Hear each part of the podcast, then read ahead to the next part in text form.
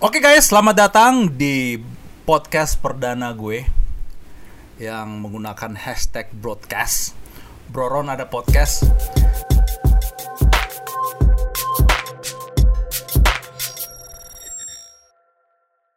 Jadi sudah lama sekali nih teman-teman di Instagram meminta saya untuk vlogging kembali ya. Tapi vloggingnya dulu tuh saya awalnya tuh mulainya lewat motor saja uh, saat riding saat touring vlogging. Tapi akhirnya ini udah setahun ini nggak pernah nggak pernah touring lagi nggak pernah naik motor karena saking sibuknya kerja. Uh, muncul ide ada podcast ya kan? Pas muncul ide ada podcast eh dapat centang biru Instagram. No. Mantap kan? Centang biru ya kan? Proron DM udah centang biru. Makin tergila lagi orang-orang pengen dengar bacot gue di podcast. Jadi lahirlah sekarang pada tanggal 18 November 2020 dan khususnya juga memang di tahun COVID-19, tahun corona. Jadi kita itu di tahun corona ini jadinya um, jarang riding, jarang touring. Jadi jadilah podcast perdana ini yang bernama hashtag broadcast, Broron ada podcast. Dan topik pertama yang akan saya bahas di sini adalah mengenai kasus um, um, kasus knalpot yang tiga bulan terakhir itu banyak banget orang yang kena tilang bahkan moge-moge juga ya. Apalagi motor yang baru launching ZX25R sempat viral tuh ketangkap tuh di Senayan ya diangkut malah. Bukan ditilang doang diangkut motornya ya kan? Habis itu ada juga uh, Harley yang diangkut gara-gara knalpot ya kan. Uh, dan subjek kedua yang lagi hot topic hot topicnya itu di awal di akhir Oktober kemarin ada kasus uh, teman-teman dan warga di Bukit Tinggi bermasalah yang lagi touring tuh ya teman-teman Harley Harley Davidson dan juga teman-teman uh, warga Bukit Tinggi yang kebetulan anggota TNI yang ada apalah ya saling cekcok di jalan yang berakibat bermasalah dengan hukum ya. Nah, jadi karena kita dua topik hari ini yang kita bahas itu masalah hukum, saya undang teman saya. Saya tidak undang pengacara, saya undang calon pengacara. Tapi kebetulan tadi saya tanya kamu udah punya pacar belum ya kan?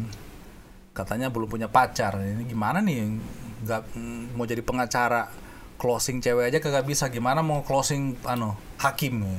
atau jaksa gimana mau di closing tapi ya udahlah cukup maki-makiannya hari ini karena nanti dalam cukup maki-makiannya sebelum podcast karena nanti di podcast akan banyak juga maki-makian. Benar nggak? Iya. Ya kan? Um, jadi coba adek kita biasanya panggilnya Firdaus Fir atau Daus. Daus ya? Lu biasanya panggil Daus. Coba perkenalkan diri. Kamu dari universitas mana mudah-mudahan bukan universitas janda mana gitu ya kan. Kenalin diri dulu dah umur segala. Oke. Eh, selamat pagi siang sore. Serah. Apa yang nonton di sini? Ya. Eh, nama gue Firdaus biasa dipanggil Daus. Gue mahasiswa FH UI oh UI ya. Oh oke oke oke. Kemarin gua tanya nggak sih UI ya? Benar ya? Iya Oke, lu udah oke. nanya itu. Iya iya semester 7 gue Ah. angkatan 2017 semester tujuh? Ya kira-kira akan selesai on time nggak nih? Tahu. Lagi begini. Jawabnya nggak tahu nih kampret.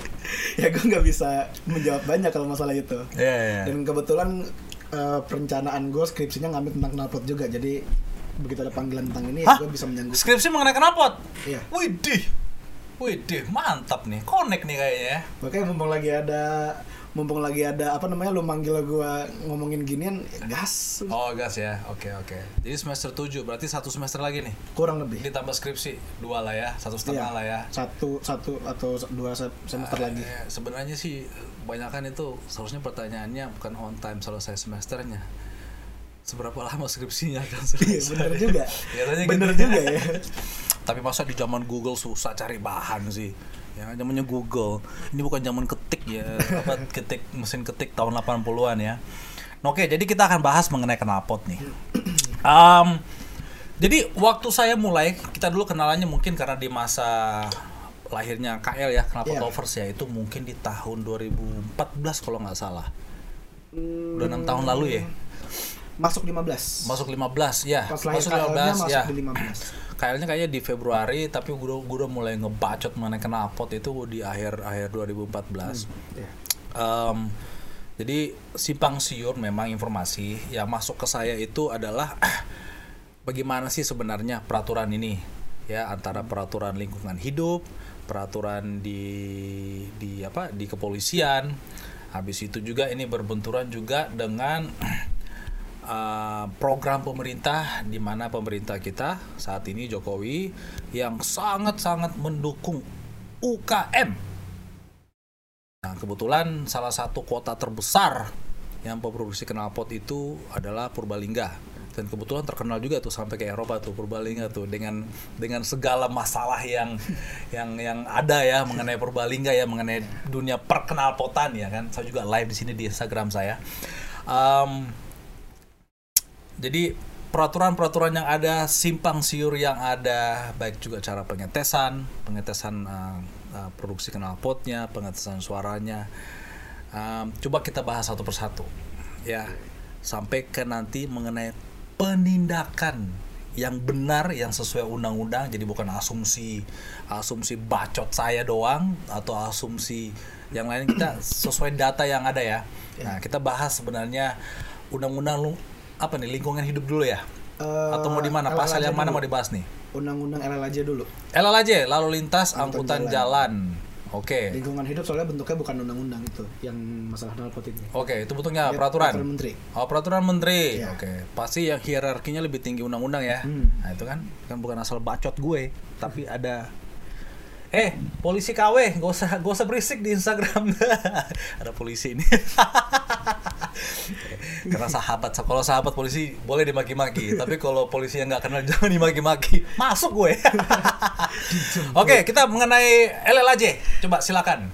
Ngomongnya ke mic ya dekat ya. Oke. Siap.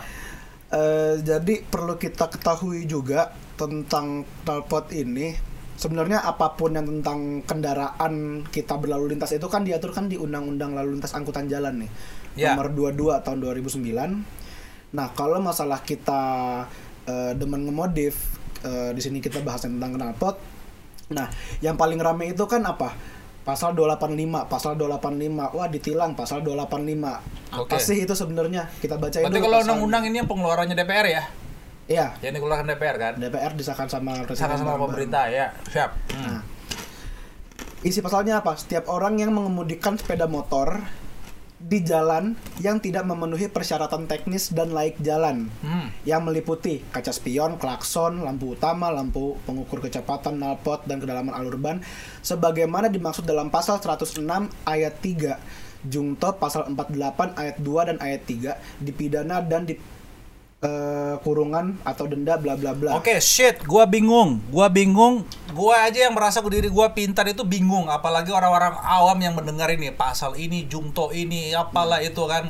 Rangkupannya apa nih? Nah, artinya Bahasa ba- ba- bahasa bahasa kafe. Bahasa Nah, kafenya apa nih? Artinya Hmm. di pasal ini itu adalah membahas tentang eh gua punya regulasi Oke. Di pasal 106 dan pasal 48 yang tadi gue bilang. Kalau lo melanggar pasal ini, maka dendanya adalah eh, apa? Maka dipidana dengan kurungan kalau nggak denda.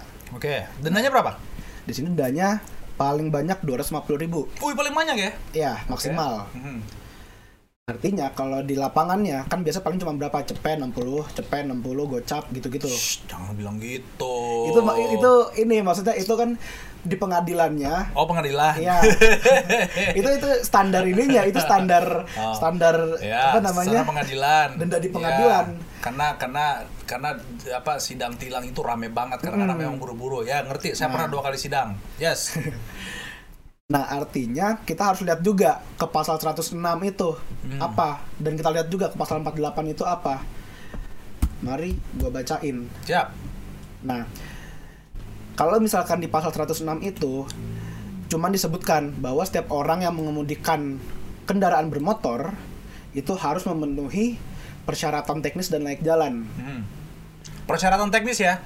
Nah, Oke. apa tuh? Apa? Apa tuh? Itulah yang tadi dibilang di pasal 48. Spion, ban. Ya.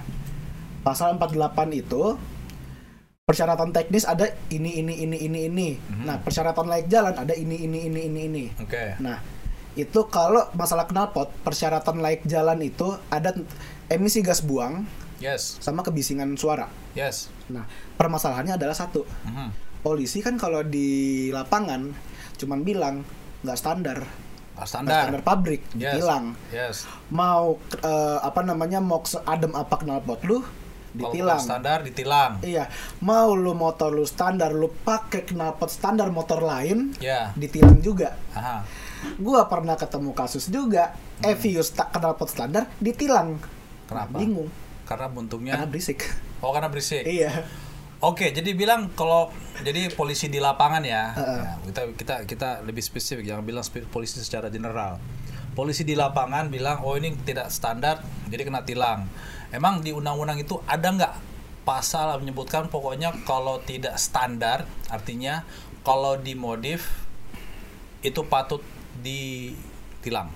Tidak, Tidak ada. nggak ada. Jadi Ya kata kuncinya adalah perlengkapan yang tadi persyaratan teknis dan naik jalan. persyaratan teknis dan layak jalan. itu artinya adalah regulasi. Jadi eh, di aturan itu Hmm. bukan disebutkan ini di undang-undang ini nggak pernah ada disebutkan bahwa eh, apa yang menempel di motor Mhm. itu wajib standar pabrikan atau dilarang menggunakan spare part yang tidak standar pabrikan. Standar pabrikan, Itu nggak oke. pernah ada. Oke. Nah, yang ada hanyalah regulasi. Regulasi oke harus yang ada mana lah ya. yang boleh, yang kayak gimana dan Oke. yang kayak gimana yang nggak boleh. Oke. gitu. Oke, oke. Berarti em, undang-undangnya jelas. Nah, terus pasal yang digunakan polisi pada saat penilangan itu pasal apa yang dipakai? Balik lagi tadi 285. Sorry, polisi lalu lintas. Iya. 285 Iya itu lagi 285 Teknis. itu. Teknis dan naik jalan. dan tidak ada standar. Nah, or- sebenarnya nah penindakan itu setahu saya pengertian saya ya, Mm-mm. uh, setiap penindakan itu harus ada dasar undang-undangnya dan ada uh, analisa teknis di lapangan. Contoh kalau kita apa kalau kita melanggar lampu merah, analisa teknisnya adalah dilihat oleh saksi yaitu polisi itu sendiri. Jadi dia berhak me- me- menilang, Iya. menindaklanjuti. Nah, kalau knalpot selain melihat polisi eh, wah ini tidak standar seharusnya dia itu menggunakan apa Aka, ah, dia punya dia punya otorisasi menganalisa atau apakah butuh alat tambahan untuk melakukan penindakan Kita bicara pasal 17 Ya. di peraturan pemerintah 80 2012 tentang tata cara razia. nih. tata cara razia Nah. Di sini tuh ada di ayat satunya. Petugas pemeriksa wajib menggunakan peralatan pemeriksaan yang dapat dipindah-pindahkan. Artinya udah udah ngomong alat nih. oke Kita harus punya alat. Oke, sorry tadi kamu bilang razia. Saya kira kita mau ngomong razia, berarti langsung tag, langsung spesifik ke cara penindakan kerapot ya. Hmm. Oke, jadi Mas nih, jadi supaya nggak salah ngerti yang dengar tadi nih. Tadi kan saya dengarnya razia. Oke, tata cara penindakan knalpot aftermarket. Ini sebelum penindakannya dulu. Ini kan karena kan tadi lu bilang eh, ini eh, Yap. menganalisa dulu nih. Analisa, oke. Nah, oke. Jadi untuk bisa menentukan knalpot ini ngelanggar apa enggak, Mhm. ada harus diukur dulu. Ya. Pertama kita lihat, oh knalpot ini nggak standar. Oke. Satu, oke. Berarti eh, suaranya lebih kencang dari su- standarnya nih. Oke. Berarti artinya kita harus menyediakan alat untuk mengukur Yes. apakah eh, knalpot ini suaranya melebihi, melebihi Peraturan yang ada. eh, regulasinya. ya. Setelah sebenarnya setelah suara harusnya diukur lagi emisi gas buangnya. Yes. Pertanyaannya di lapangan sekarang banyakan mana? Geber-geber doang bilang ini berisik Mhm. apa di ngebahas ini emisinya lolos nggak? Mhm. Jadi kan cuma saya kalau emisi gas buang itu bukan bukan di ranahnya polisi deh. Polisi lalu lintas deh. Maksudnya jadi tetap kalau misalkan udah untuk knalpot yang ini kan harus ada pengukuran. Nah, Iya. jadi pas lagi pas lagi apa namanya? eh, pas lagi melihat ini sesuai regulasi apa enggak, Iya. itu harus ada harus ada pengukurannya. Walaupun itu terlepas dari itu kerjaannya di sub atau eh, polisi, Polisi. rompi hijaunya ya. Ya. Nah, jadi di sini tuh tetap harus ada pengukuran Oke. Begitu memang sudah oke ini melanggar. Dicek nah, eh, desibelnya itu udah di atas 83, Mhm. oke. Silahkan diurus surat tilangnya. Berarti lah. Jadi sekedar sorry saya potong, sekedar informasi teman-teman. Peraturan mengenai desibelnya itu tingkat volume suaranya itu adalah 125 cc ke bawah itu 80 maksimum. Eh, tujuh, Atau berapa? eh, cc-nya itu dia 77 77 sampai 125 ya. sampai 175 Mhm. sama sama 175 ke atas. 176 ke atas. Nah, 175 itu berapa? Maksimum 80 ya. Maksimum 80. 80 habis itu Di atas 175 itu 83. 83 desibel. Ya, Jadi itu yang berlaku 2013 ke sini. Ya, jadi jadi baik itu kalau 175 bilanglah Kawasaki sekarang itu W 18 175 ya. Iya. Nah, itu, itu itu ya itu beda lah. Uh, bilanglah KLX 250 ya kan atau D-Tracker 250 sama Harley itu suara knalpotnya seharusnya sama. Memang benar itu bisa sama. Tapi kadang beda juga kayak Ducati sama Harley itu bukan knalpotnya doang yang berisik. Suara mesin juga berisik.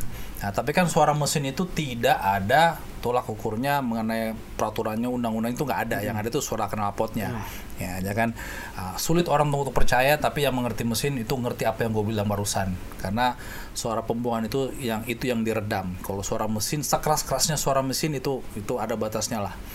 Um, knalpot itu yang bisa di yang memang harus dikontrol. Oke, jadi proses penindakannya harus menggunakan alat. Seharusnya Nah, seharusnya. Oke. Dan ini peraturan pemerintah. Iya, peraturan pemerintah. Yang keluarkan siapa nih? Presiden, menteri atau Kapolri? Peraturan pemerintah presiden. Presiden ya. Iya, Kalau menteri permen ya. permen. Habis itu kalau Kalau Kapolri, kan per Kapolri jadinya. per Kapolri. Iya. Yakin itu namanya? Iya, namanya per Kapolri. Per Kapolri ya. Iya. Oke, oke. Jadi presiden ya, tentunya dengan ahli-ahli dengan dengan Hmm. ya kan presiden masa ngurus knalpot kalau udah ngomong lah ya kan ini tanda tangan. Oke, berarti penindakannya harus dengan alat. Yang terjadi di lapangan bagaimana? Kagak ada alat-alatnya. Aha. Alatnya ya ini Apa itu ini? kuping, Kuping. ini tangan, Ah. udah gitu doang. Ini mata. sama mata. Nalpot kamu tidak standar. Oke. Coba sini mas, dekati kupingmu ke knalpotnya. Iya, Kita nyalakan, digeber sampai limit. Nah. Der. Itu sebenarnya bisa kena anu nggak sih? Bisa kena pasal penganiayaan nggak sih oleh Bisa. oleh polisi yang Bisa. terhadap terhadap apa? Orang yang yang apa Iya. yang di ini kan yang digeber Ya, kan? ya, ya, dia tersangka pelanggar lalu lintas lah. yang ya. dianggap terdakwa Ya, lah. terdakwa. Itu bisa kena penganiayaan sih. Bisa. Ya. Itu banyak juga ya orang nggak tahu. Itu Iya. banyak yang japri saya ini gimana sih nih kok digeber-geber di telinga. Memang sih kalau knalpot bising itu memang kadang mengganggu. Kadang justru saja terganggu. Tapi kan terganggunya itu motor itu lewat. Oh. Tapi kalau digeber-geber depan rumah ya udah lu lempar batu aja silakan aja kalau bisa lu bodat-bodatin aja langsung. Wey! Jangan berisik sini ya. Kalau dijawabnya sorry om lagi nyetel karburator. Oke, gimana ya malah ikut ngerobe ya. Gimana karena nyetel kan? Tapi kalau geber-geber aja asal geber-geber nah itu kan. Nah, ini kan beda dengan jalan raya ya. Kalau jalan raya mungkin saya akan antusias kali ya. Jadi ada ada cenderung miring ke sebelah ya. Ya, gue suka sih dengan suara knalpot berisik kayak gitu ya. Tapi di gua sendiri tidak pernah dengar knalpot, dengar knalpot, taruh kuping gue persis di ujung knalpot Alhamdulillah gue juga belum. kayak yang dilakukan yang kayak yang dilakukan Iya. oknum itu ya. Em, apakah mungkin ini karena ketidaktahuan oknum polisi tersebut kurang training atau gimana? eh ini susah sih kalau ini ngomong karena kan kita kalau di sini cuma bisa berasumsi doang. Eh, kemungkinan paling mendekat itu apa? Apakah emang mereka? Kalau gue biasanya bilang eh, mereka yang menegakkan hukum tapi yang tidak mengerti hukumnya itu sendiri. Oke. Kalau gue nyebutnya itu. Iya. Apakah karena emang mereka kurang training? Apakah karena emang beneran mereka nggak ngerti sama aturan mereka sendiri? Hmm. apakah emang mereka merasa oh gue ada apa namanya eh, jabatan nih gue punya dikasih wewenang nih Oke. tapi pas eh, lagi di lapangan dia melampaui batas Mhm. apakah yang mana yang benar gue nggak tahu kalau ini kita cuma bisa asumsinya doang Oke. mana yang paling mendekati Kalau saya sih mm, itu kan tadi saya bertanya, malah saya pengen menjawab. Kalau saya sih antara asumsi dan mungkin pengalaman saya sebagai pengusaha ya. Ya. Jadi polisi itu sama juga kayak bekerja. Saya sebagai pengusaha pimpinan tetap harus banyak belajar. Kebetulan saya itu belajarnya banyak dari Google, dari YouTube. Nah, accounting kita bisa nih punya nih sarjana accounting. Ya. Tapi sarjana accounting itu harus tetap juga perlu banyak belajar. Ah, Baik itu mengikuti perintah atasan, baik itu mungkin peraturan pajak, ah, untuk pelaporan pembukuan yang benar, PPN, PPH, segala, SPT ya kan, Ah, surat pajak tahunan, laporan tahunan, itu semua harus dia tahu dan dia harus pelajari dan tiap tahun undang-undang pajak bisa berubah. Sama juga dengan polisi, dia pekerjaan dia adalah polisi. Ah, makanya kan ada polisi bidang lalu lintas, bidang kriminal khusus, korupsi, mengenai pembunuhan, itu kan beda-beda bidangnya. Jadi, menurut saya ya, ini menurut dan fakta dari pengalaman sebagai salah satu pimpinan perusahaan, kalau polisinya kurang training, bisa-bisa juga cara bekerjanya, hasil bekerjanya tidak bisa sesuai SOP atau kurang memuaskan. Iya. Nah, kalau pengacara nih, saya rasa nih waktu bahkan guru dosen kalian sendiri pasti kan ada tuh uh, mungkin training-training, seminar-seminar ya. Kita sering dengar kata seminar kan. Iya. Padahal seminar ini yang mengikuti seminar ini bukan mahasiswa. Biasanya yang sudah ahli-ahli di bidangnya untuk memperbaharui ilmu-ilmu untuk makin mengenal apa yang mereka bidangi. Nah, kalau polisi, sekian banyaknya undang-undang, sekelas pengacara aja, yang sebenarnya level pengetahuan hukumnya itu harus sama sama polisi. Barang nggak kalau saya ngomong kayak gitu? Level pengetahuan hukum Minimal sama. minimal sama kan level pengacaranya kan mesti pakai asisten itu namanya paralegal kan Iya. ya kan paralegal itu mirip-mirip sudah tahu semua undang-undang tapi lu bukan pengacara lu yang ngetik semua gitu ya benar nggak Jadi satu tim. Nah, satu tim kan sebagai tim. Ya, eh, ya itu tadi. Paralegal pun atau pengacara pun kalau tidak mencari ilmu terus, bisa-bisa kalian salah langkah juga di sidang. Nah, itu mungkin polisi juga patut melakukan hal yang sama, termasuk pimpinan-pimpinan dari atas, dari Kapolri, dari wakil-wakil divisi masing-masing, ilmu itu harus diturunkan sampai ke bawah. Nah, kalau saya saya tidak berani bilang bukan tidak berani sorry saya ini sekarang saya jadi ngomong opini ya jadi nanti Bro Firdaus boleh juga beropini opini saya bahwa adalah polisi itu mungkin kekurangannya saat ini adalah memberikan training-training sebanyak mungkin kepada yang di bawah yang melakukan penindakan langsung. Itu menurut saya. Jadi kalau kita baca komentar-komentar di, di sosial media polisi goblok polisi bodoh masa gitu ditilang masa itu geber bagi saya itu bukan goblok dan bodoh tetapi itu kurang ilmu Hmm. mengenai apa yang mereka lakukan pendapatnya gimana Hmm, dibilang kurang ilmu bisa jadi. bisa jadi Kenapa gue bilang begitu? Karena eh kalau kita lihat ya, yang apa namanya, yang kayak gitu, yang asal geber-geber, bahkan sampai masuk diliput di TV, itu kan nggak cuma satu, tapi banyak. banyak yes Nah, yes ya. jadi- jadi susah dibilang hanya oknum aja Iya, nah jadi kayak dibilang kurang ilmu, kenapa gue bilang bisa gue setuju? Karena apa? Ya lu udah tahu temen-temen lo ada yang kayak begitu, lo ngikut. ya Kalau lo eh, bukan kalau lo tidak kurang ilmu, lo harusnya tahu ini Iya, salah. iya. Minimal, bro ini salah, jangan kayak gitu. Yes. Atau kalau nggak ngomong, minimal nggak usah ikut-ikutan. ya Nah ya dari masyarakatnya sama aja. sama aja juga yes Ya tapi emang kalau kalau masyarakat emang emang pada umumnya ya banyak yang nggak melek hukum itu emang hal yang lebih wajar daripada seorang Wah kalau semua melek hukum lu nggak ada kerjaan bos Iya. kalau udah tamat bos itu dia itu dia Iya. jadi begitu ada masyarakat eh maksud kita di sini kita bahasnya yang emang pengguna motor dengan knalpot bacot apa pun itu digeber-geber ya mereka Iya. nurut-nurut aja mereka diem-diem aja ujung-ujungnya apa nyampe rumah ngedumel di di FB di Instagram eh apa namanya eh ngeluh-ngeluh ini Ngeluh polisi aja, iya, gitu-gitu iya, aja paling iya. ujung-ujungnya Iya. Jadi sebenarnya sama-sama nggak tahu lah ya. Iya. Tapi yang pasti sih saya ngomong pada teman-teman yang nanti mendengar ini, kalau kamu nanti suatu hari di dalam posisi bahwa uh, kamu dipaksa mendengar knalpot di ujung knalpot, dipaksa sama polisinya, pasti kan kamu punya teman kamu nyalain kamera gue yakin lu menang di sidang tuh gue yakin Iya. menurut bro gimana menang nggak di sidang Bisa. ya Tinggal udah ada bukti di videonya, ya tinggal apa namanya? karena kan eh, kita check kita, up kita THT. kita pun tahu ini terjadi ya taunya dari medsos Iya. belum kesebar emang itu kesebar ya ditilau sampai sampai kasihan banget tuh disuruh bongkok gitu kan Iya.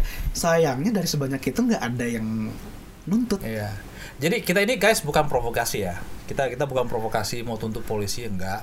Hanya memang um, kalau itu terjadi kayak gitu penuntutan terjadi, itu akan menuju arah yang lebih baik juga pada kepada kepolisian bahwa hey sebenarnya pasukan kita ini perlu training lagi nih, Iya. ya kan? Betul. Karena kalau polisinya asik, gue rasa masyarakat akan asik-asik juga kok.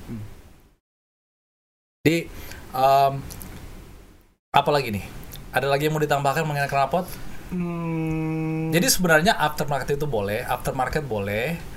Hanya Iya. memang rancu, rancu karena ini penindakan yang penindakan yang serba rancu di lapangan ya. asal. Salah-salah ya. Karena emang dari kita bisa bilang juga ini kan peraturan da- undang-undang tuh udah dari 2009 ya. Iya. Sebenarnya untuk eh, takaran undang-undang udah 11 tahun apalagi lalu lintas dan angkutan jalan tuh termasuk yang berkembangnya juga agak cepet kalau Ya. menurut gua sih ya. Iya. Jadi lebih kalau direvisi Hmm. lebih difokuskan untuk dibikin undang-undang barunya Ya tapi sebenarnya gini bro, baik. ada nggak sih undang-undang pada saat pengujian pengujian pengujian produksi knalpot atau motor itu diuji di punya suara? Gimana gimana? Jadi sebelum motor itu jadi, mobil itu jadi, atau Ah. produk produsen knalpot, Ah, ah. Ada nggak tempat di mana produsen knalpot bisa membawa produknya untuk diuji? Eh, berarti artinya ini kita bicara ini dong pelegalannya dong. Ya, Sebenarnya Sudah kalau itu yang mendukung Arti- nanti yang mendukung UMKM ini. artinya kita bicara ke ini standarisasi SNI. Sebenarnya belum ada. Kalau SN itu kan produksi produknya ya.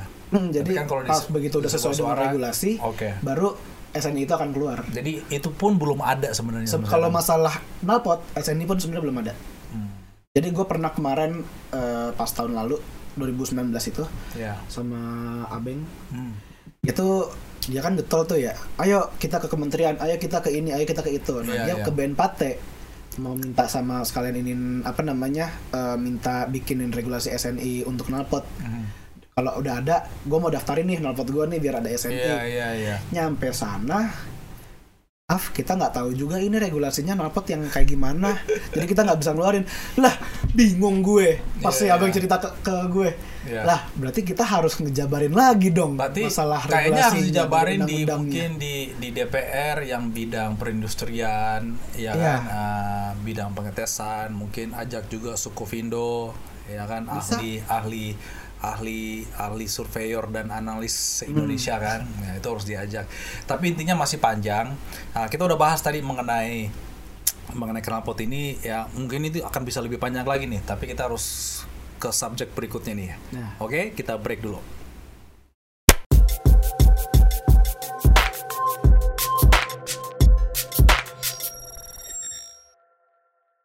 Oke, kita lanjut di sesi kedua podcast hari ini. Welcome back to broadcast. Broron ada podcast. Dan kali ini kita akan membahas uh, berikutnya mengenai kasus Bukit Tinggi. Gue udah pernah nih touring ke Bukit Tinggi nih. Asik coy. Aspalnya memang memancing um, kearoganan. Aspalnya Bukit Tinggi luar biasa, luar biasa. Gue udah pernah ke sana ke Bengkulu, Bukit Tinggi, touring. Gue udah pernah touring mobil, pakai mobil Padang lah ya. Touring motor udah pernah, touring mobil udah pernah sampai ke Kelok 8. Wih, itu memang aspalnya memang susah kita menjadi disiplin pengennya pengennya arogan 24 jam ya kan ya gue biasanya pakai istilah cuan 24 jam kalau kalau melihat aspalnya Padang sama Bukit Tinggi itu itu itu arogan 24 jam jadinya kan. Am, jadi kasus teman-teman bikers di sana yang lagi touring kebetulan dari Bandung tidak usah kita ungkit nama klub. Udah cukup lah exposure-nya di di apa? Di di di sos, eh, sosial media ya kan? Um, sampai saking saking hebohnya itu panglima pangdam Bukit tinggi ya kalau di Sumatera ya. Sampai turun tangan, wih tindak lanjut, you know sampai dikawal ke Kapolres ya kan, Polres Kapolres, pokoknya sampai ditahan lah ya. Nah ini jadinya kasus penganiayaan, padahal seharusnya touring itu asik-asik aja jadinya kenapa kasus penganiayaan ya?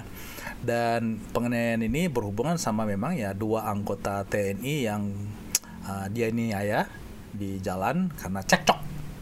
Cekcok nih bos cekcok ya kan Uh, memang sih kalau saya lihat videonya itu yang viral itu reaksi teman-teman bikers ini agak over overreaktif ya Uh, tetapi kejadian ini sebenarnya bisa dicegah bisa dicegah dari dua pihak yaitu pihak uh, teman-teman bikers dan juga pihak um, oknum anggota TNI yang uh, berhubungan dengan kasus ini. Nah, jadi di mana kasus ini ujung-ujungnya itu ada ormas lokal, ormas lokal yang ya bersifat nasional juga sih, ya, mereka nasional, tapi ormas lokal tersebut dengan gagahnya mengeluarkan statement dengan gaya-gaya gaya-gaya tentara gitu. Merdeka, merdeka ya, boy, mantap nih, gagah banget nih ya. Uh, sampai ok, uh, sampai mengeluarkan sweeping sweeping ya. Nah. Moge di sweeping, ada juga viral uh, teman bikers yang kelihatannya motornya motor Moge, soal Benelli 250 ya atau gimana gitu ya. Yang- Kaisar Ruby Kaisar ya. Kaisar Ruby Kaisar itu di Ruby. pom bensin itu Iya. Bukan menghina ini motornya, enggak enggak enggak. Tapi memang tampangnya tampang moge sih. Sampai di di razia di pom bensin ditanya dari mana, ting tempat tinggal di mana, minta KTP segala bilang ya kan. Bilang like what the fuck? Emangnya emangnya ormas bisa minta KTP orang lu siapa lu Jack? Ya kan? Em, itu viral juga. Ya kan jadi buntutnya buntutnya agak panjang nih ya kan. Em, jadi sebelum saya mau bahas, jadi opini saya juga, saya memberikan opini, saya ingin bertanya nih kepada Bro Firdaus sebagai mahasiswa hukum yang sudah siap dengan subjek yang kita mau bicarakan nih, bagaimana nih mengenai ormas yang main uh, apa sweeping sweeping, mereka punya hak nggak sih? jawabannya simpel enggak. Simple, enggak ya? simpel udah. Sebenarnya enggak. Kenapa gue bilang enggak? Udah ada pengaturannya kok. Iya. ormas aja udah ada undang-undangnya. Iya, Bentar. Ini Undang-Undang Ormas itu nomor 17 tahun 2013. yes, Organisasi kemasyarakatan. Kita harus tahu dulu apa itu ormas secara definisi, apa itu fung- apa fungsinya ormas, hak kewajiban. Mhm. Nah, dari situ kan akan kelihatan juga larangannya apa. oke, Nah, kita harus tahu dulu organisasi masyarakat itu adalah organisasi yang emang dibentuk oleh masyarakat itu karena Mhm. kesamaan aspirasi, kehendak, kebutuhan, kepentingan, kegiatan yang emang tujuannya itu eh, ujung-ujungnya untuk eh, apa namanya minta duit pemerintah. tujuan negara Terus terus terus terus terus. terus. untuk tujuan negara Iya. itu eh, definisi umumnya ormas Tujuan menjaga negara. Bisa tujuan juga. negara sih maksudnya apa pun tujuan negara ormas itu bisa Mendukung. mendukung Oke, yang siap. mendukung tujuan negara Mantap. Nah, di sini ada fungsi ormas. Kita lihat nih, ada sweeping apa enggak nih di sini. Di pasal 6 Hmm, fungsinya ya. Ormas, ya. Ya. Satu, penyalur kegiatan sesuai dengan kepentingan anggota atau tujuan organisasi. Dua, pembinaan dan pengembangan anggota untuk mewujudkan tujuan organisasi. Hmm. Tiga, penyalur aspirasi masyarakat. Hmm. Empat, pemberdayaan masyarakat. Hmm. 5. Pemenuhan pelayanan sosial dan 6. Partisipasi masyarakat untuk memelihara, menjaga dan memperkuat persatuan dan kesatuan bangsa. Setuju. Eh, dan ke-6. Dan ke-7. Gitu 7 ya. Pemeliharaan dan pelestarian norma, nilai dan etika dalam kehidupan bermasyarakat, berbangsa dan bernegara. Oke. Ada nggak di situ sweeping? Ada nggak di situ menjaga ketertiban yang dalam artian kita harus sweeping? Nggak Ya. ada. Mungkin kalau ada kerusuhan bisa kali lah sweeping ya Kalau menjaga orang-orang luar dari komplek atau dari daerah sebuah desa kota gitu mungkin kalau ada darurat Kalau ya kalau udah bicara keadaan darurat itu beda cerita. tidak bisa dimengerti lah ya. Iya, kalau nam- udah ada namanya keadaan darurat, overmah, Hmm. itu kita bisa ngesampingin yang kita sebenarnya nggak boleh. Cuman Iya. ini darurat ya udahlah, boleh Darurat. dimaklumi, ditoleran, ditolerir. Kalau ini apa darurat moge? Kagak tahu apa daruratnya kalau ini. Oke, terus terus. terus. Di sini gue langsung lompat ke hal yang dilarang oleh ormas. Iya. Satu, Ini kalau ada yang mau lihat ini juga di undang-undangnya dia di pasal 59 Mhm. Undang-Undang Ormas. Iya. Eh, melakukan tindakan permusuhan terhadap Hmm. sara. Kedua, melakukan penyalahgunaan, penistaan atau penodaan terhadap agama yang dianut di Indonesia. Mhm. Tiga, melakukan kegiatan separatis yang mengancam kedaulatan negara. Nggak boleh, oke. Empat, melakukan tindakan kekerasan, mengganggu ketentraman dan ketertiban umum Oke. atau merusak fasilitas umum dan fasilitas sosial. Mhm. Nah, sweeping aja sebenarnya udah Mengganggu bisa dibilang umum. mengganggu ketertiban umum. Ya. Walaupun itu tergantung konteksnya. Kalau misalkan kayak sweeping moge Hmm. masih bisa debatable. Cuman kadang kan kalau kita melihat ormas yang lebih eh, general, kadang yang kalau malam-malam eh, niatnya kayak kita mau sweeping begal, kita mau sweeping begal, atau kalau lagi yang pas lagi puasa kita mau sweeping rumah makan bla bla bla, Ya. itu mengganggu ketertiban umum. Mhm. Itu udah udah pelang, udah udah ngelanggar banget. Ya. Nah, selanjutnya yang kelima itu melakukan kegiatan yang menjadi tugas dan wewenang penegak hukum. Sweeping pekerjaannya siapa? Penegak Polisi, hukum. Kalau nggak satpol pp, Mhm. bener-bener TNI paling. Oke. Nah, kan eh, apa namanya? Ormas itu kan bukan penegak hukum. Bukan. Dia adalah organisasi masyarakat yang didirikan karena ada kesamaan ABC tadi. Mhm. Nah, kalau misalkan dia eh, apa namanya tiba-tiba ucuk-ucuk datang, ah gue mau jadi ini, ah gue mau ganti satpol pp, ah mau sweeping, ah Mhm. lah lalu sape, nggak boleh. Jadi kira-kira em, teman kita yang di pom bensin itu ini bisa melakukan perlawanan hukum nggak? Kalau- perlawanan melalui hukum, Kalau perlawanan hukum, bukan perlawanan hukum, perlawanan melalui hukum. ya maksudnya melalui hukum itu Ya, agak susah ya. Maksudnya kalau misalkan di sini kita bilangnya kayak pasal tidak menyenangkan. eh, ah itu mah terlalu debatable, susah itu bahasnya. Oke. Dibilang pasal tidak menyenangkan, gimana menyenangkan menurut Jadi, lo? jadi jadi terlalu banyak eh, debatnya nanti di sidang Itu- itu lebih banyak tanpa debatnya. tanpa fakta. Jadi pra- main perasaan aja gitu ya. nggak banyak perasaan juga cuman kayak eh sep- apa namanya takerannya tuh semana tuh lebih susah ditemuin Oke. batasan-batasannya tuh semana nah Ya. kalau ini sih karena ormas itu eh dia mungkin cara kita melakukan perlawanannya adalah pertama kita ngelaporin tapi ujung-ujungnya dia bukan bukan lari ke pengadilan Laporan. Kalau Oke. ormas ini. LP aja. Jadi eh, apa namanya? eh mungkin kita bisa lapor ke polisi Hmm. kalau untuk kita untuk masalah ke- perorangannya. Ujung-ujungnya kan nggak akan langsung diproses biasanya kayak dimediasiin dulu. Ya Mediasi udah nih, lo maunya oke. gimana udah dah. Udah pulang damai aja. Oke. Nah, habis itu biasanya kalau ormas itu sanksinya dia lebih ke dari pemerintah juga biasanya. Mhm. Nih, ini ada sanksi atas pelanggaran ormas. Oke. Apa itu? Nah, biasanya kalau ormas itu melanggar, dia sweeping, dia dia bikin rusuh di jalan atau apa pun itu. Iya. Itu biasanya ntar dari pemerintah tergantung pemerintah pusat apa daerah tergantung cakupannya. Nah, kalau Hmm. lagi di Padang ini di Bukit Tinggi berarti artinya pemerintah daerah. Nah, eh, dia itu kayak ada persuasif dulu diomongin dulu. Sini. Diomongin dulu. Kalau misal di warning, kalau masuk misalkan begini, lo gue kasih SP Oke. itu udah masuk yang ada di eh, sanksi administratif yang ada di eh, ini di undang-undang berupa satu peringatan tertulis SP Ya. kedua penghentian bantuan dana Hmm. atau hibah Lo Hibah, masih- yes, kita betul. udah Tiap kasih lo SP lo masih begajulan lo masih bandel ya. dah cari Ya, duit sendiri Biasanya ormas itu dapat ya dapat dana memang Ya. dari pemerintah. Nah, masih bandel juga. Lo Iya. udah gua cut, lo akhirnya cari duit sendiri tapi lo masih berulah. Ya.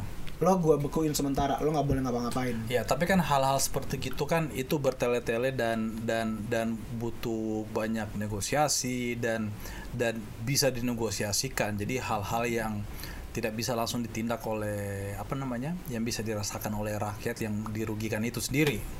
Kalau gua ngeliatnya gini, Hmm. dari eh, kalau yang persuasif atau peringatan tertulis pertama SP itu mungkin Hmm. bisa dibilang oke agak panjang. Ya. Nah, cuma kalau udah kayak eh, udah mulai penghentian da- bantuan dana, udah mulai dibekuin sampai yang langsung keder mereka tuh. Nah, itu kan langsung keder kan. Nah, Iya, iya. dari situ artinya apa? Mereka juga a- akan menjaga ya udah berarti gue jangan sampai kayak gini lagi. Nah, cuannya bisa Secara- hilang tuh mereka tuh. Nah, secara internal, Hmm. lu jangan macem-macem. lu berulah, kita semua yang kena. Lu yang habis sama kita ntar. Kan bisa kayak gitu. Itu Betul. ntar urusan internal mereka. Jadi sekarang saya mau bahas mengenai kronologinya kejadian itu. Karena juga kita patut bahas kronologi what really happened. Kenapa bisa sampai gini. Jadi saya tadi cari kronologinya mana yang lengkap nih yang dapat. Nah, kemarin-kemarin saya baca di medsos, di Kompas, Detik itu banyak yang udah. Tapi saya ambil kali ini dari tribunenews.com Hmm, yang terbit di 8 November. Jadi sekitar 10 hari lalu, kronologi lengkap kasus pengendara moge aniaya dua anggota TNI di Bukit Tinggi. Nah, menurut saya, ini opini saya, ini benar-benar di overblown. Ini over di blown karena ini membawa-bawa nama TNI. Menurut saya itu over semuanya, over. Bukan berarti saya tidak peduli sama TNI. Wow, saya peduli sama TNI. Saya punya saudara kandung bekas udah pensiun mayor. Saya keluarga TNI saya ada. Um, tetapi ini overblown dan kita akan bahas sekitar 10 menit ke depan.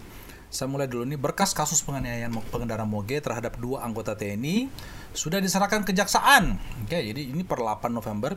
Jadi kita baca nih kronologinya nih. Eh, jadi ini polisi pun secara resmi sudah memaparkan perkara dengan penganiayaan terhadap dua, anggota TNI di Polres Bukit Tinggi. Jadi ini bagaimana kronologi peristiwa yang menghebohkan warga Bukit Tinggi ini terjadi 32 Oktober, berarti sekitar ya 19 20 hari lalu, tanggal 16.40. Jadi sore-sore ya di kota Bukit Tinggi. Kejadian itu uh, jadi Kapolres mengatakan kejadian berawal saat rombongan motor gede dari nama klub um, terpisah dengan rombongan ini. Jadi sebenarnya itu yang yang permasalahan itu adalah satu klub tapi berpisah. Jadi terpisah ada dua ada satu grup kecil ketinggalan di belakang ya. Jadi satu udah lewat. Saat sekitar pukul 16.40 korban Serda Mistari bersama Serda Yusuf berboncengan menggunakan motor Honda Beat melintas di Jalan Hamka. Ini jalan yang sama.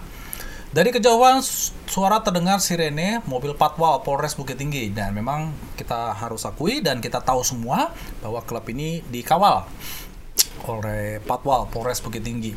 Mendengar suara sirene tersebut, Serda Yusuf meminggirkan kendaraan untuk memberikan jalan kepada patwal Polres Bukit Tinggi dan diiringi rombongan moge. Oke, jadi didengar pengawal. Oke, mantap, mantap, terima kasih. Saya lanjut nih halaman kedua nih. Setelah habis rombongan, Serda Yusuf melanjutkan perjalanan menuju Makodim. Normatif ya. Namun datang dari belakang rombongan Harley Davidson yang terpisah dari rombongan dan menggeber motornya hingga membuat Serda Yusuf terkejut dan hampir jatuh.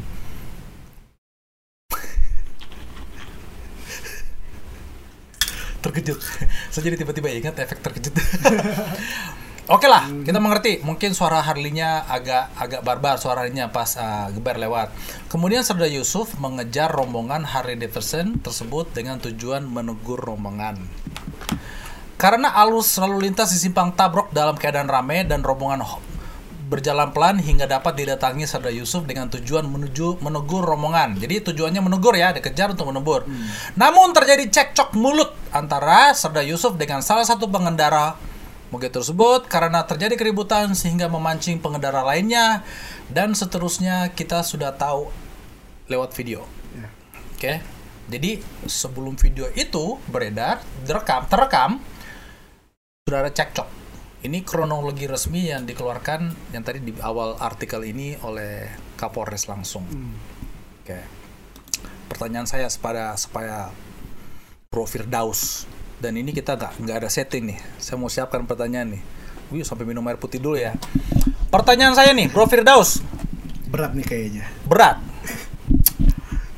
Ente coba ngomong sebagai pengendara bikers biasa dan kebetulan kamu itu anak motor ya, Ya. Nggak punya moge. Motornya apa bro? Moge R15. Oh R15 siap. Moge tuh. Itu R6 uh, bore down, Ya.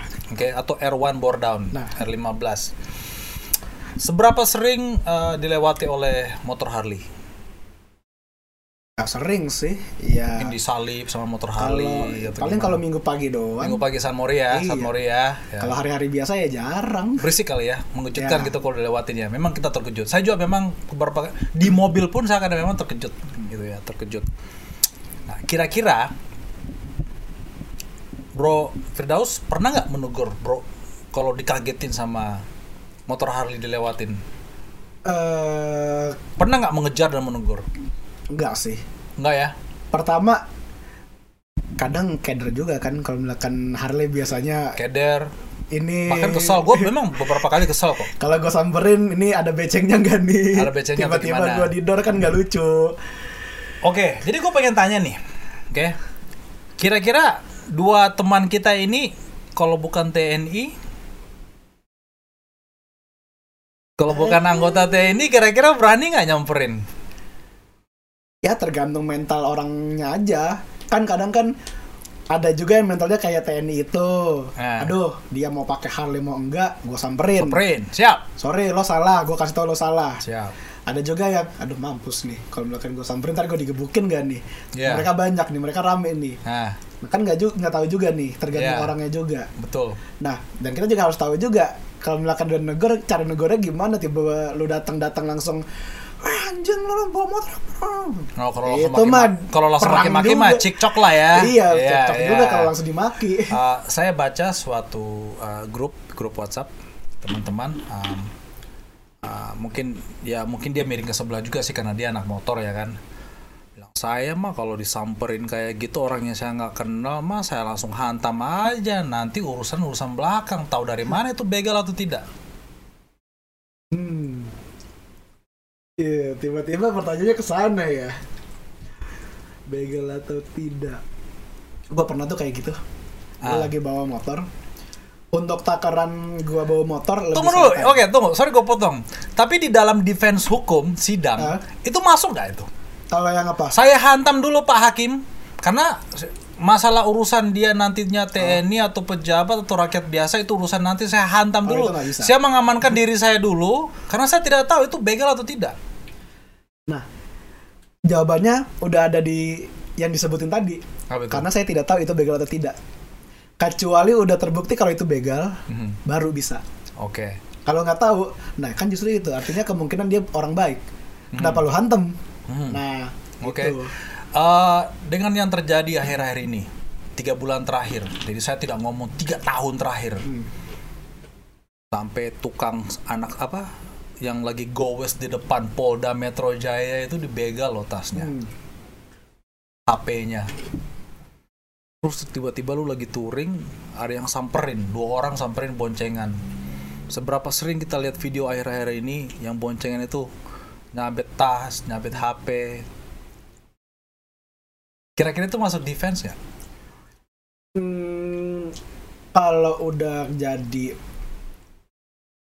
stigma di masyarakat emang Nah, agak lu susah aja mesti mikir dulu untuk jawab. Iya. Itu sebenarnya bagi saya udah jawaban. Iya udah susah sebenarnya. Susah. Kalau emang kita bicara hukumnya ya sebenarnya nggak bisa karena kan kita emang belum membuktikan. Iya. Cuman kita udah kalau udah bicara stigma di masyarakat, ya kita juga udah. saya takut pak, saya takut dibegal pak. Saya kira saya mau dibegal pak, saya disamperin. Ya kan? Nah kembali lagi pada pertanyaan pertama. Kira-kira dua sahabat kita ini, kalau bukan TNI, kira-kira akan heboh sampai gini nggak? Hmm, heboh tetap heboh. Karena moge satu. Hmm. Yes. Moge tidak akan pernah tidak heboh. Nah di itu nggak perlu dibicarakan lagi, itu itu true, itu fakta. Mungkin kalau bukan TNI bisa jadi tidak seheboh ini. Dan gua rasa ormas yang sosok membela TNI, kita harus membela alat negara. TNI adalah yang menjaga kesatuan bangsa. Kira-kira mereka tidak akan sok turun tangan kali ya? Ada kemungkinan, Tidak turun tangan. Ya. tapi bisa jadi ada kemungkinan kami membela masyarakat kami, kami Oh. melindungi masyarakat kami, kan bisa jadi ke sana. Oh iya deh ya, ya. kalau itu oke lah, itu ya debatable. Jadi uh, opini saya, oke kembali kepada opini. Jadi saya bukan hanya sekedar interviewer, tapi ya kan opini, karena Broron itu pasti beropini. Hmm. Um, kalau membaca kronologinya, um, apakah ini bisa dicegah? Yes. bisa dicegah dari pihak klub moge, bisa dicegah dari pihak rakyat atau masyarakat itu sendiri. Dan kebetulan waktu itu yang bercekcok itu adalah anggota TNI. Uh, sebenarnya teman-teman, um, mereka ini dikawal sebenarnya untuk mencegah hal-hal seperti ini. Ya. Ya. Sebenarnya iya. dan supaya masyarakat tahu yang mendengar podcast saya nanti ke depannya ini setiap masyarakat berhak untuk diminta dikawal. Jadi kalau ada ngomongan mentang-mentang moge lu dikawal polisi. Ah sorry bos. Lu kalau kondangan lu minta dikawal juga kok. Emang apa kepentingan kondangan mesti dikawal polisi? Kalau bisa tanya, bersa- tanya bersama ya. Tapi anyway kepentingan kawal itu itu itu bisa satu subjek yang membahas nanti lain lagi. Tapi yang pasti ini ke pengawalan resmi. Sebenarnya untuk mencegah hal-hal seperti ini.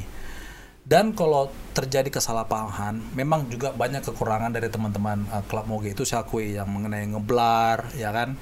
Um, tapi sebenarnya ada alasan kenapa ngeblar. Ngeblar halus atau ngeblar kasar itu tergantung persepsi yang mendengar aja sih sebenarnya. Alasannya sebenarnya untuk safety. Tahu nggak sisi safety-nya di mana? Aware. Awareness. Motor gua lebar nih. Motor gua besar, mogi besar. Gua geber sedikit supaya lu tahu gua ada di belakang lu atau di samping lu. Bukan untuk suruh lu meminggir. Sebenarnya untuk kasih tahu. Memang sih ref- refleks kita jadi meminggir ya.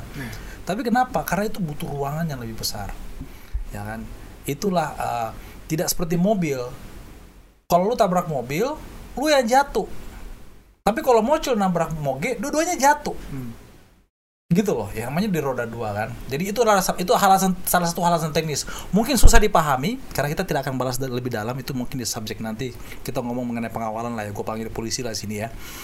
Em, kalau mereka lewat, lu kesel atau gimana ya biarin aja lewat. Ngapain samper-samperin? Nanti nggak maksud gue? Ya. Kalau saya melihat sih umurnya anggota teman-teman kita ini TNI, ah, kayaknya masih muda sih. Karena pangkatnya apa ya? Serda ya. Umur berapa tuh? Gue nggak tahu malah. Masih muda lah. Beberapa teman-teman di klub motor memang mereka masih muda. Ya mungkin ya kayaknya sih masih kepala dua ya. Hmm. Ya, ah, Serda.